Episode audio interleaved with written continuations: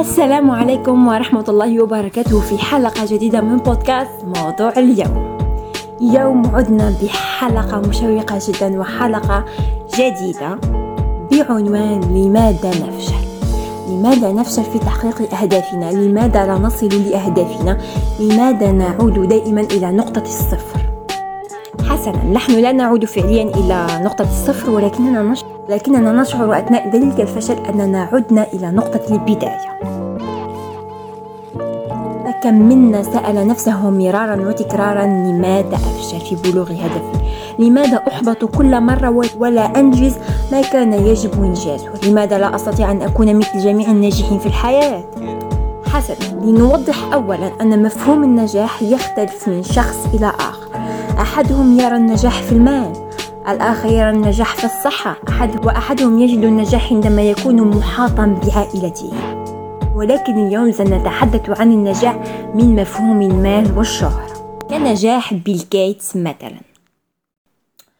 لأوضح نقطة ما قبل بداية حلقتنا اليوم أن كما يعرف الجميع أن معظم الناجحين في العالم هم أشخاص لديهم ثلاث مميزات. هم أشخاص يكونون أصحاء أغنياء وحكماء وأشخاص يفضلون العلم على الترفيه. فلكي تصبح واحد منهم يجب أن تمشي على خطاهم. فكي تصبح ناجحا حقا يجب أن لا تهمل أي من هذه الجوانب. أن تكون تأكل صحي أن تكون تمارس الرياضة مثلا أن تكون مهتم بالمال أن تكون حكيما في عقلك وأن تعرف متى تتعلم ومتى ترفه عن نفسك الآن لنتوقف قليلا ونحاول أن نسرع الزمن في عقلنا رجائي من كل شخص يستمع إلى هذا البودكاست أن يتخيل نفسه خلال العشر إلى عشرين سنة القادمة أين أنت؟ هل أنت في المكان الذي تريده؟ وهل حقا تريده؟ هل ما تفعله الآن قد يأخذك إلى المكان الذي تريده حقا؟ فكر في الأمر قليلا. لنبدأ الآن حلقة يمكن أن تكون قد فهمت ماذا تريد وأين تريد أن ترى نفسك. ويمكن أن لا تكون قد فهمت شيء. يمكن أن تكون ما زلت ملخبط في عقلك ولا تعرف أين ترى نفسك. حسنا. لنتفق أولا. أنك لا تستطيع أن تكون ما لا ترى. لا يمكنك أن تكون طبيبا وأنت لم ترى طبيبا من قبل. لا تستطيع أن تكون ملياردير وأنت لم ترى واحدا من قبل. لا تستطيع أن تكون رجل دين وأنت لم ترى رجل دين من قبل. فعندما تلتقي بمن تريد أن تكون مثله ستتعرف على طريقة تفكيرهم. كيف يعيشون؟ كيف يقضون وقتهم؟ س... سترى تلك الطاقة الرهيبة التي يمكن أن تتحسسها. مثلا عندما تكون في مستشفى ترى الأطباء يجرون وراء المرضى ستستشعر تلك الطاقة. مثلا يعني تلك الطاقة لا أعرف كيف أصفها لكم تلك الطاقة ستجعلك تريد أن تكون طبيبا. هذا ما أتحدث عنه. حتى وإن لم تكن تعرف أحدا قريبا منك مشاهدة الوثائقيات اليوتيوب في الإنترنت اليوم جعل العالم قرية صغيرة فيمكنك أن تتحسس طاقة شخص ما من خلال فيديو فقط. وهذه الخطوة مهمة جدا لتفهم شغفك. أين شغفك؟ إن رأيت مثلا طبيب ولم تشعر بأي شيء لست شغوفا بالطب مثلا. الحقيقة هناك ثلاث خطوات بسيطة لتفهم شغفك وماذا تريد. أولا حاول أن تتعرض لتجارب جديدة فريدة ومميزة. ثانيا خذ تلك التجارب وتعامل معها بجدية لاحظ تلك التجارب تابع تلك التجارب تعلم من تلك التجارب.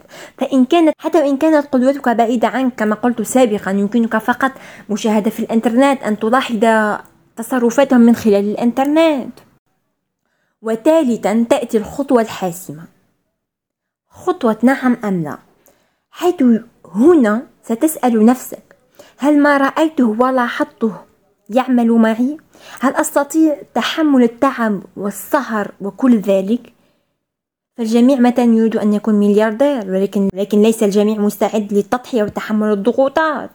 فاليوم للأسف الجميع يريد النتيجة لكن لا أحد يريد العملية.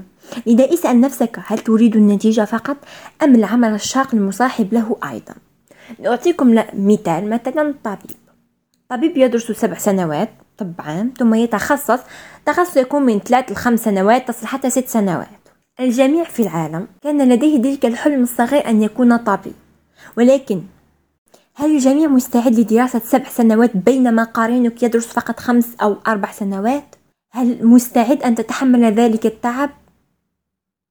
هذا ما يجعلنا نتعرف على شغفنا. هل نريد النتيجة فقط أم نريد التعب المصاحب لتلك النتيجة؟ هذه العملية قد تبدو لك سهلة. في الحقيقة هي ليست سهلة أبدا. يمكن أن نكون قد لخصها في أربع دقائق ولكنها تحتاج الكثير من الوقت. ولكن ما إن تجد ما تريد فعله يمكن القول أنك قد قطعت شوطا كبيرا. مع كل هذا لم نتعرف لم نتعرف حقا على السر الكبير الذي يضمن لك النجاح وهو التحكم في الذات. نعم التحكم في الذات. سر ناجحين يعني أن تتحكم في ذاتك وأنك قد امتلكت القوة القاضية على الجميع.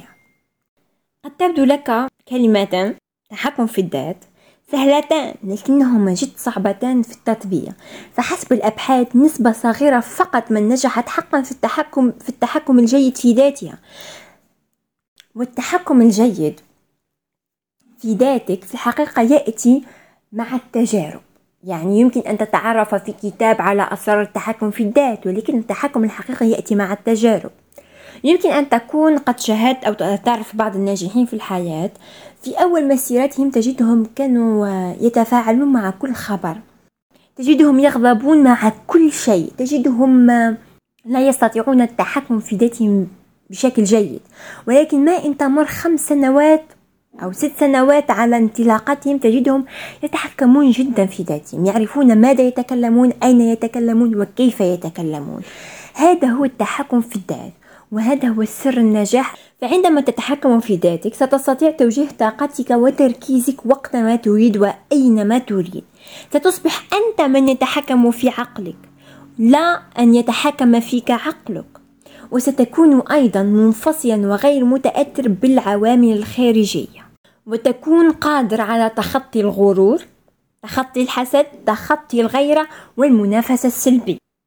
نعم هناك المنافسة الإيجابية وهناك المنافسة السلبية. المنافسة الإيجابية تدفعك إلى الأمام تدفعك للعمل الأكثر تدفعك لأن تكون أفضل نسخة من ذي قبل. أما المنافسة السلبية هي تلك التي ترجعك للخلف وتحدك. فالمنافسة السلبية هي حقا تجعلك أسير لبقعة ما. وأكبر مثال على منافسة سلبية اليوم هي وسائل التواصل الاجتماعي. فاليوم عندما يدخل الناس مواقع التواصل الاجتماعي كل ما يلاحظونه هو أوه تلك الفتاة حصلت على عدد كبير من الإعجابات. أو ذلك الفتى لا يهم. تلك الفتاة حصلت على تعليقات جميلة جدا من كثير من الناس. أو تلك الفتاة تزوجت ذلك الفتى انخطب ذلك الفتى يملك جسد جميل تلك الفتاة تمتلك أزياء رائعة. هذا ما يلاحظه الناس اليوم وهذا بالضبط ما يدمرنا داخليا. حتى وإن كنت تظن أنك لا تقع في ترهات المقارنة ولكن في ولكنها في الحقيقة تؤثر عليك ولو كان بنسبة صغيرة. فلا يمكن أساسا إنكار الأبحاث والدراسات التي تقول أن مواقع التواصل الاجتماعي هي من أكبر أسباب الاكتئاب والأمراض العقلية. فعلى الرغم من أن الجميع يعرف أضرار مواقع التواصل الاجتماعي ولكن لا أحد يتوقف عنها ولا أحد يقوم بخطوة بتقليل منها. ولكن على الأقل لا يمكنك تكذيب أن مواقع التواصل الاجتماعي تخفض صوت عقلك وصوت أفكارك وترفع صوت كل ما هو تشويش. لذا لا تستطيع حقا أن تكون مركز مع هدفك. يعني تخيل أن يكون لديك هدف تريد أن تركز في تحقيق ذلك الهدف ولكن هناك دائما ضجيج أصوات لا تستطيع العمل معها لذا لتستطيع تنقية نفسك لتستطيع خفض تلك الأصوات وذلك التشويش وذلك التشويش وتسمع لنفسك وتتحكم في نفسك كما يجب. على الأقل يجب عليك التقليل منها أو كما تحدثنا في حلقة سابقة أن تقوم بعملية ديتوكس كصوم الدوبامين. فإن رأيت الناجحين في الحياة تجد أن ليس لديهم مواقع كما يبدو لك.